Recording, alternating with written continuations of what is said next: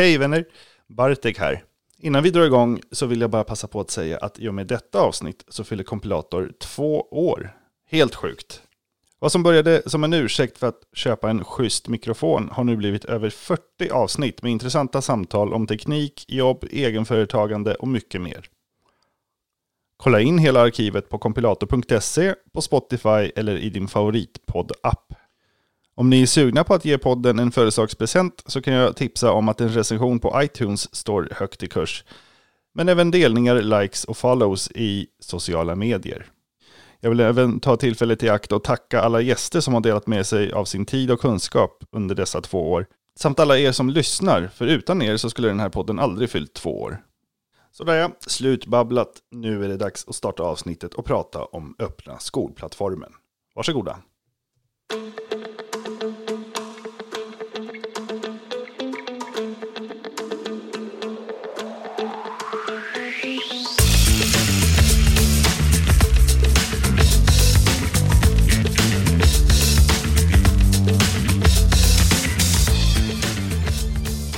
Hej och välkomna till ännu ett avsnitt av Kompilator. Där vi idag har med oss Johan Öbrink och Erik Hellman. Välkomna! Tackar. Tackar. Ni håller på med någonting, kan man säga kontroversiellt? Ja, ni kan, ni kan väl berätta, vilka är ni och varför är ni här? Ja, börjar du Johan. Ska jag börja? Ja, absolut. Eh, Johan Öbrink heter jag. Klassisk gammal pojkrumsnörd. Började programmera på min, min VIC 20 när jag var åtta, typ 81.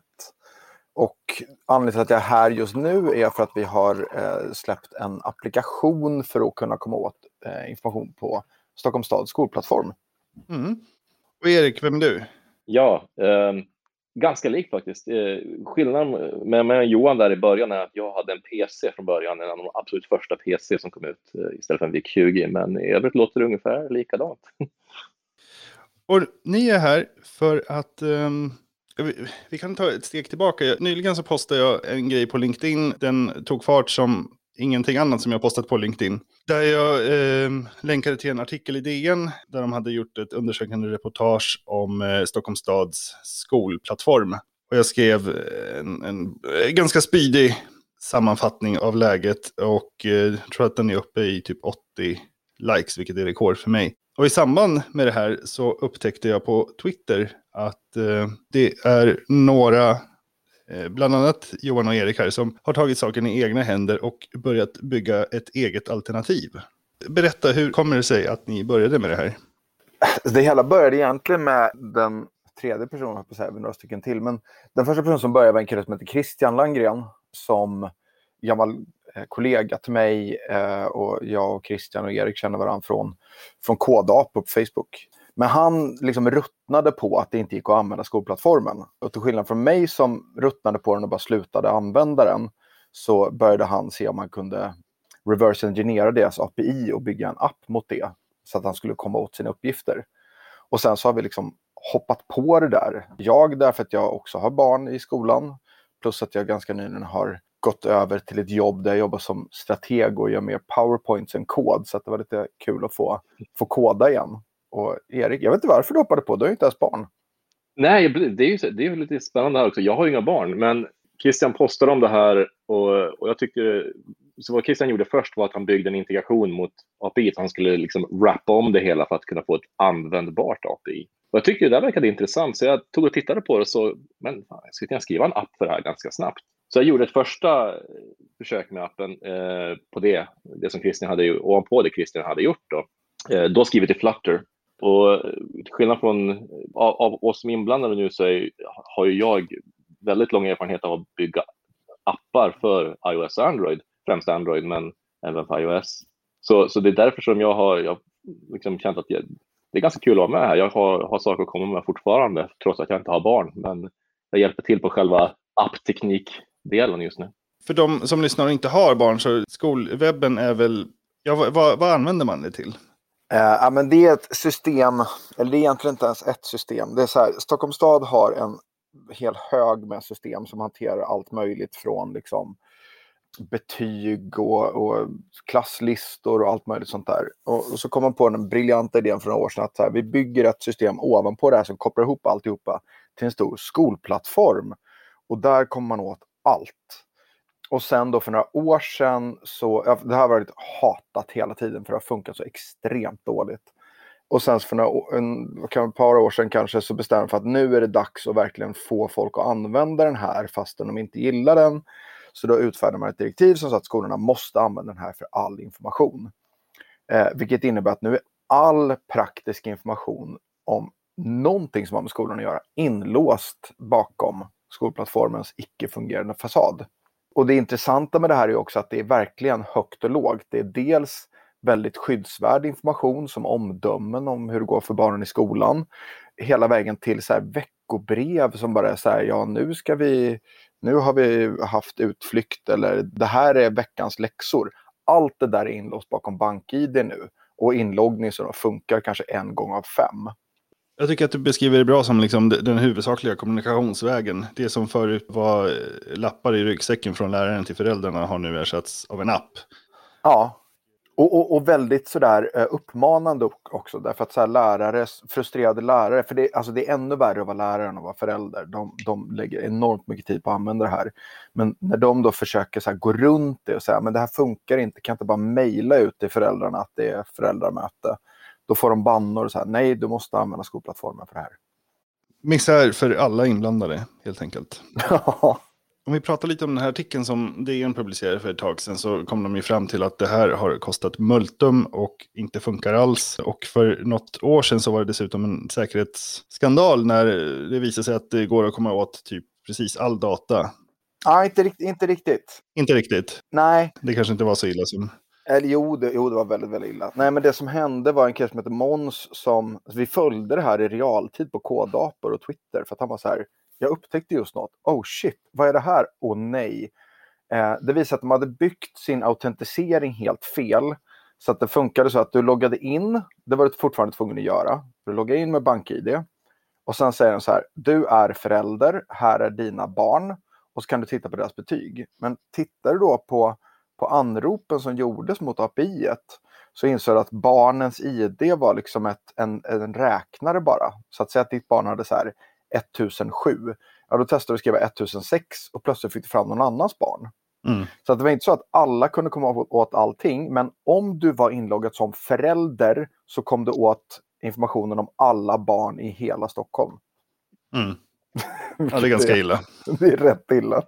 Jag misstänker att den luckan täpptes till ganska omgående, men, men det verkar som att de har haft utmaningar med användarvänligheten överlag. Och till slut så spillde det över och ni och Christian bestämde er för att bygga ett eget alternativ. Och det är lite spännande för det det handlar om här, det, det är ju liksom en fronten medan backenden är fortfarande Stockholms stad. Mm. Så hur har ni lyckats med det här? Alltså, kronologin är rätt så intressant här, för som sagt, det var ju som sagt då, Christian började och sen så hoppade Erik på det där och så hoppade jag på det. Och sen så kom det in en tjej som heter Elin, och en tjej som heter Karin Eh, och sen så kom det en kille som heter Rickard och så kom, nu har det kommit in folk från InUse och sådär. Så, så det är verkligen mer en folkrörelse än ett projekt. Mm.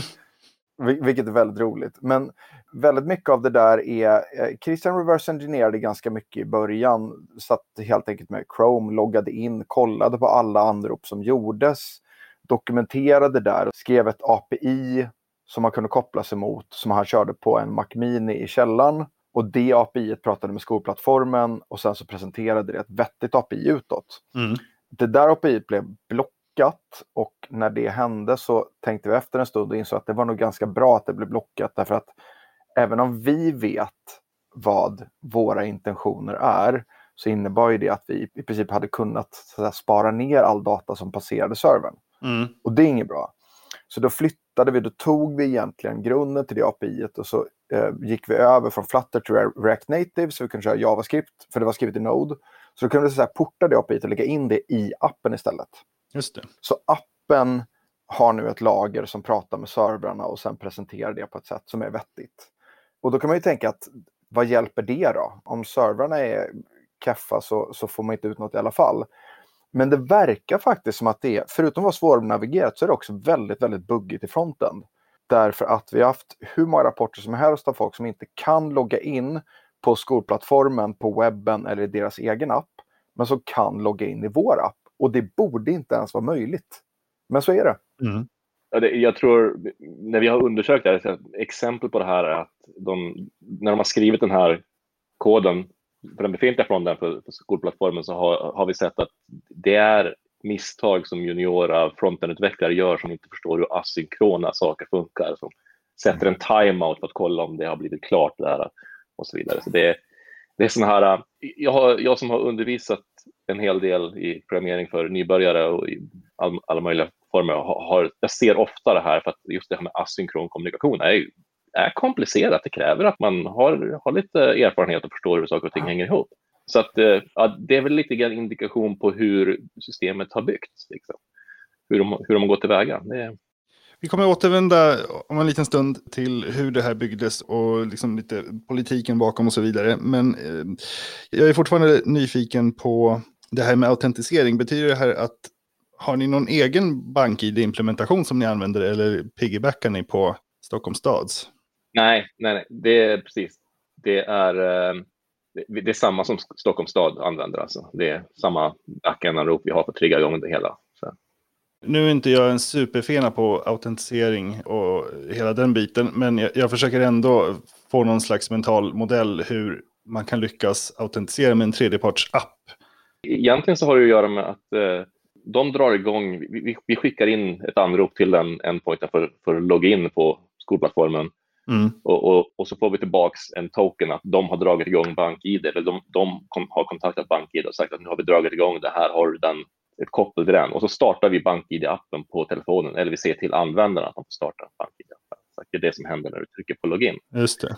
Uh, och sen sköter vi kommunikationen med BankID och deras backend igen och sen så får ju vi svar efter ett tag då när det, hela den, när användaren har autentiserat sig i BankID-appen. Men här, i praktiken så är ju vår app som browsern när du loggar in på vanligt sätt på webben. Ja, ja. Okej. Okay. Mm. Eh, så att, så att, och, och enda skillnaden är egentligen att, att i och med att det är en, en native app på telefonerna så har ju den rätt att prata med andra domäner, vilket en vanlig browser inte har. Så vi skulle inte kunna bygga en egen webb, för den skulle ju liksom få problem då med cross-origin. Just det. Nej, och sen när den är klar så, så studsar den igenom ett härke av olika SSO-tjänster med SAML och den, menar, den liksom spelar pingpong mellan olika servrar tills den har samlat på sig tillräckligt många kakor för att den ska kunna göra anropen mot deras endpoints. Så i grund och botten är det någon OpenID OAuth historia antar jag? Nej, inte, nej. Alltså SAML är ju en, en annan typ av SSO-teknik än OAuth. Alltså stora organisationer älskar SAML. Jag tror att det är för att det är liksom som OAuth fast med flera kilobyte komprimerad XML, vilket stora organisationer älskar.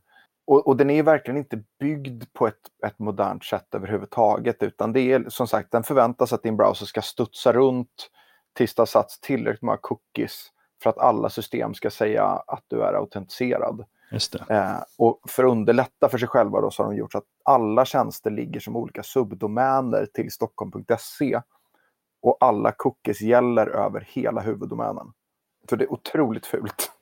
Hur har responsen varit på det här? Både från föräldrar och tittar man på Twitter så, så det, är det ju massa hejarop. Men jag undrar, det är väl väldigt många föräldrar som inte är på Twitter. Stockholms stad är inte på Twitter eh, i den utsträckningen. Vi har ju en Facebookgrupp också och där har ju folk hejat på hela tiden. Mm. Eh, väldigt positivt. Men ja, som sagt, Twitter, där är det ju överväldigande positivt också. Och sen har ju responsen kommit från alla möjliga håll.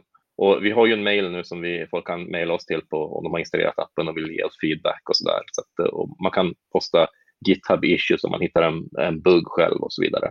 Och, och, och, föräldrar gör sånt och inte bara gör sånt, de skickar pull request på koden när de har hittat en bugg. De, de kommer och frågar om de kan hjälpa till och testa lite mer och så vidare. Och, eh, när kommer nya versionen och förslag på nya funktioner. Så det är, en, det är en överväldigande engagemang, precis som vi sa tidigare. Det, det är en folkrörelse, alltså det, är, det är jättespännande. Ja, och, och företag har hört av sig, så här, fiber ja, direkt. Och så här, Gud vad bra det här är, vill ni ha lite servrar? eh, och, så här, och in-use bara, hej behöver ni hjälp med UX? Och det var en designfirma, jag kommer inte ihåg vad de hette bara för det, det är taskigt, eh, borde jag kolla upp. Men, men så här, de hör av sig och bara, kan vi hjälpa till med vår professionella kunskap? Så de har varit super, super positiva. Jag ska säga att det enda negativa jag har hört, det är min, min fru berättade att hennes, hennes jobbkompis hade pratat, eller någon hade pratat om det här i någon så här Facebookgrupp som hon var med i. Och då var det några föräldrar som hade varit så här, ja men hur vet vi att den är säker då? Så det är klart att det finns ju diskussioner som vi inte liksom tar del av. Och där är folk lite osäkra. Så vi, vi ska försöka nå ut nu liksom i, i press och liknande. Så att, så att folk kan, om de är oroliga, bara höra av sig till oss och höra. Så här, vad, hur kan vi garantera att det är säkert? Vad är ambitionsnivån? Är det bara för att visa att man kan göra annorlunda, man kan göra bättre? Vill ni vara ett fullvärdigt alternativ? Vill ni väcka opinion? Vad, vad är liksom... All of the above, höll jag men... Ja. men, alltså, det börj visst började det lite grann som en så här, bara att, att räcka fingret lite så? Eh, ja, lite grann. Blandat med att man ville se om det gick att göra. Men, men jag kan säga att nu har jag, ju, alltså, jag har suttit på, på nätterna och kodat eh, som, på ett sätt som inte alls har att göra med att räcka finger eller, eller ens att vara del av en folkrörelse, utan då är det bara så här, ha, den, här den här funktionen funkar inte som den ska. Den måste funka som den ska. Nu får jag liksom bita ihop här och skriva om det här.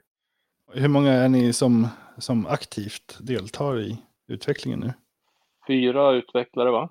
Eller är vi fem nu? Nej, praktiken. Alltså det, det, det är fyra stycken som jobbar mycket. Du, jag, Christian, Rickard. Sen så har vi ju eh, hjälp med andra saker också från Karin och Elin. Och... Så e- Elin jobbar på PR-byrå, så hon hjälper oss med de grejerna. Och så Karin Nygårds som är lite kändis i programmerarkretsar. Hon, hon skulle jag säga huvudskälet till att vi har programmering på schemat i skolan idag. Hon var lärare som, som blev intresserad av programmering och har liksom lärt sig det och evangeliserat det. Nu, hon är med, men hon är med som illustratör. Plus att hon faktiskt har gjort sin första pull request i det här projektet.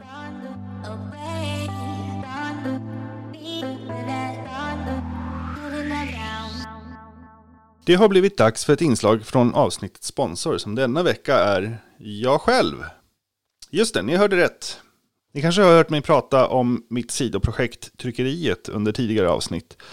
Och nu slår jag alltså upp skjortorna för resultatet, geekshirt.se. På geekshirt.se kommer du kunna köpa fräscha t-shirts, stickers och affischer med utvecklat tema.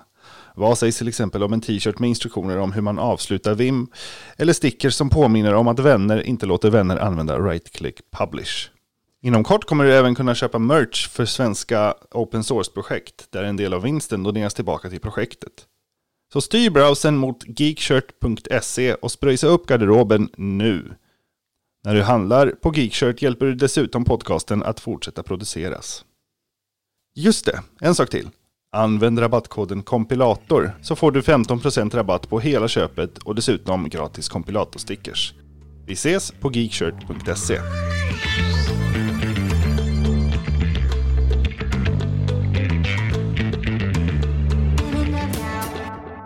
Som ni sa i början så, så skolwebben är ju är mycket mer än det som man ser. Det är liksom som ni sa betyg, schemaläggning, intern kommunikation, alltihopa. Det ska man ha respekt för. Det är mycket som ska klaras av, mycket viljor.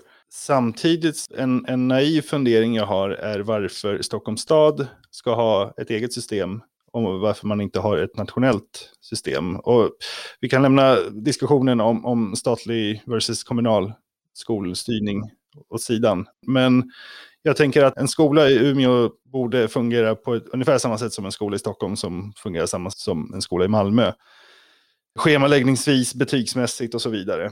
Varför bygger Stockholms stad en egen plattform? Not invented here är väl ett koncept. Det är ju, jag tror just det där, det, du vet, när man sitter mitt i så ser man ju behov av funktioner och så tittar man på de här erbjudandena och de här alternativa plattform, de här andra plattformarna som finns.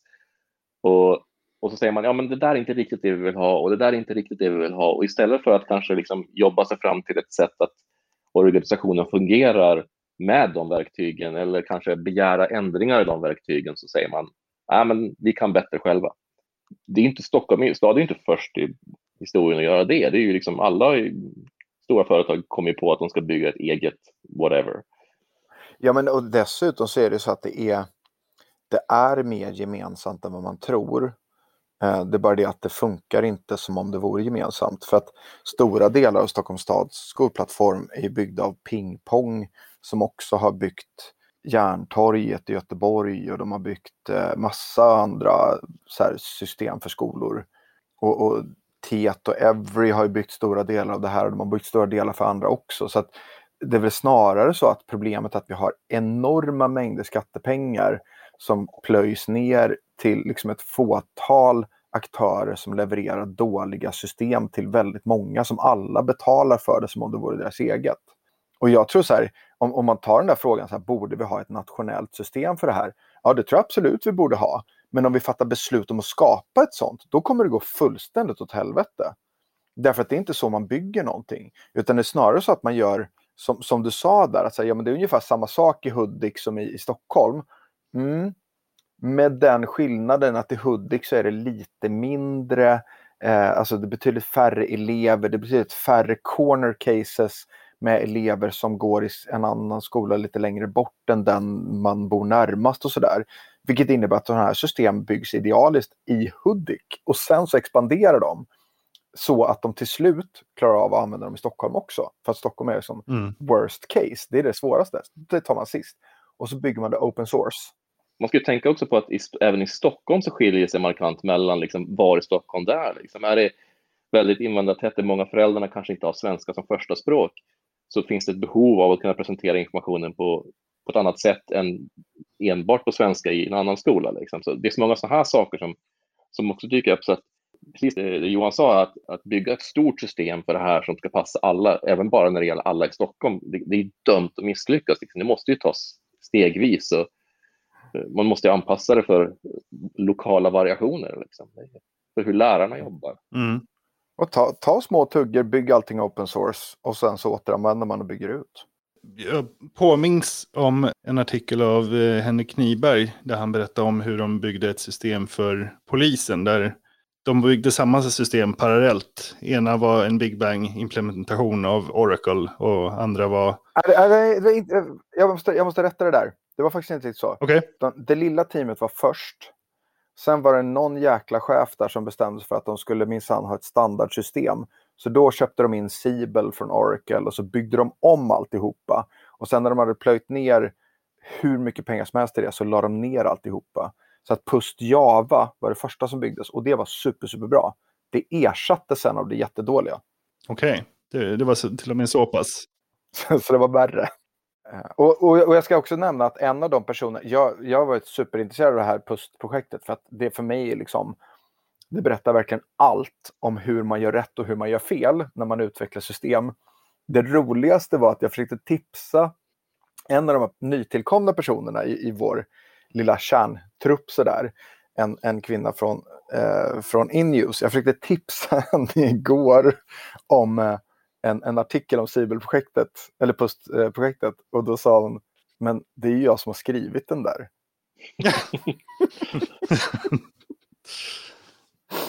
det tyckte jag var roligt. Vi börjar lite eh, få slut på tid, men innan vi gör det så skulle jag vilja bara prata lite om open source. Vi har touchat ämnet lite grann, men jag tycker det här är min personliga åsikt, men jag tycker att all, all mjukvara som man lägger statliga och kommunala pengar på borde rimligtvis vara öppen källkod. Amen brother. Absolut. Det, alltså, det, det här, vi kan säkerligen hitta exempel på när det inte passar riktigt. Det, det kan, vi kan alltid hitta några så corner cases, men generellt så borde det vara så, ja. Nej, men här, säg de enklaste fallen. Bara så här, men vi, köper in, vi köper in en mail-server eller vi köper in uh, Office-paketet. Fine, okej. Okay. Det behöver inte liksom byggas från scratch av öppen källkod. Men när man tar fram nya system, bygg det öppet. Men, men det ska sägas också att, tar vi det här med Office-paketet till exempel, eh, formatet för Office-paketen är ju, är ju numera öppna.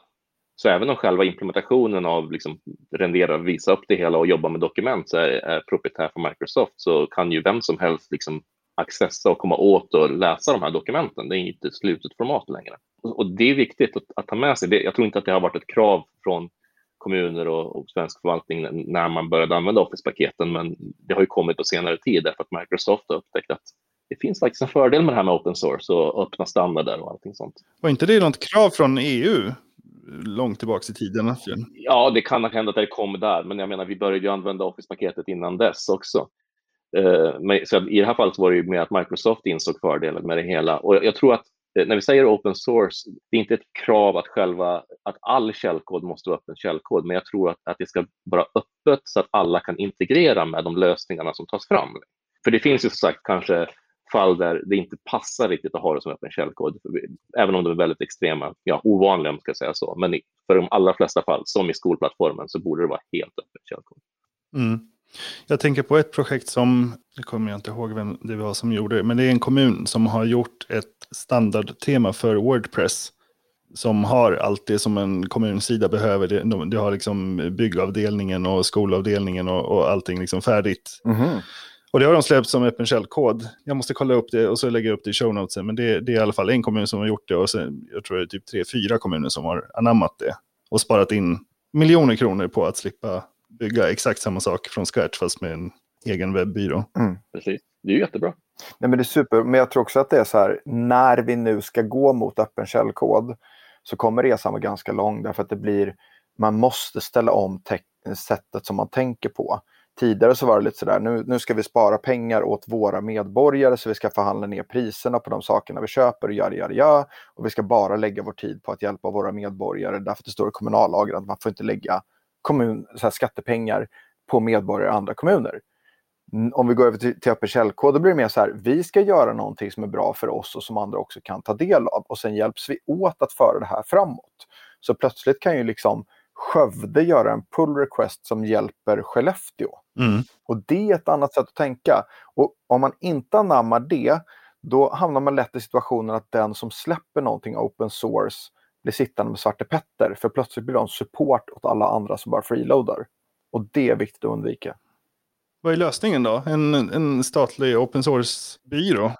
Ja, men vi, har ju, vi har ju myndigheter och organisationer på, på nationell nivå som kan hantera inköp för, och, och anskaffningar av allt möjligt. Varför inte bara utnyttja dem och sen så får de uppgiften att nya system som alla kommuner behöver ha, det ska, det ska ni titta på först och se om det är någonting som ni kan liksom ta fram som öppen källkod. Det är bara att ge dem uppdraget. Uh, och sen hur upphandlingen går till alltihopa, det är bara teknikaliteter i hur man formulerar upphandlingsförfrågan. Liksom. Så det, jag ser inte att det här behöver vara några, några nya lagar eller myndigheter heller. Det, vi behöver inte gå den vägen. Nej, och vi har ju DIGG, Digitaliseringsmyndigheten ja. finns ju nu.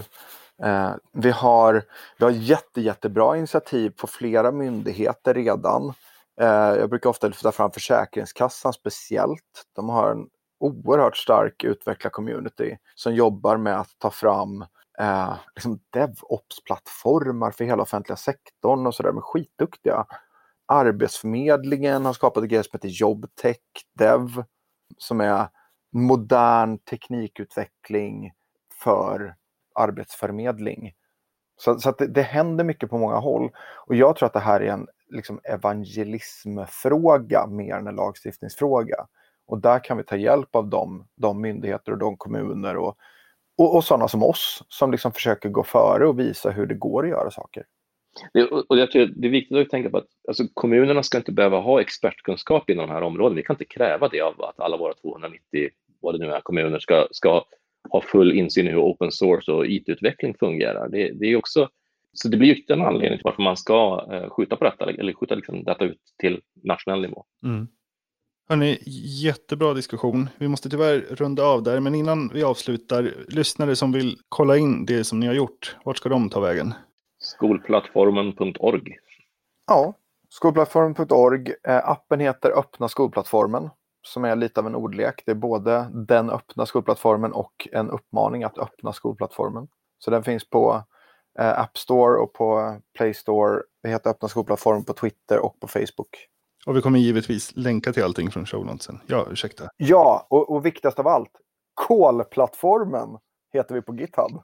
Kolplattformen? Ja. Vad, vad, nu måste jag jag tror att det var, kan det inte ha varit så att det var för att det, det hette så här, Facebookgruppen som startades först hette så här, vi som älskar skolplattformen, men då stod skolplattformen med dollar istället för S.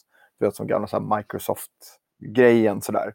Och då tror jag att det blev kolplattformen för att dollar, kolplattformen, då föll S bort när, ja. Så, så tror jag att det var riktigt. du vet, som det händer. Hörni, Johan och Erik, tack så jättemycket för att ni ville vara med och prata om öppna skolplattformen. Tack själv. Tackar. Och eh, vi kommer länka till allt vi har pratat om så att lyssnarna kan kolla in det. Tack så mycket. Tack. Tack. Hej.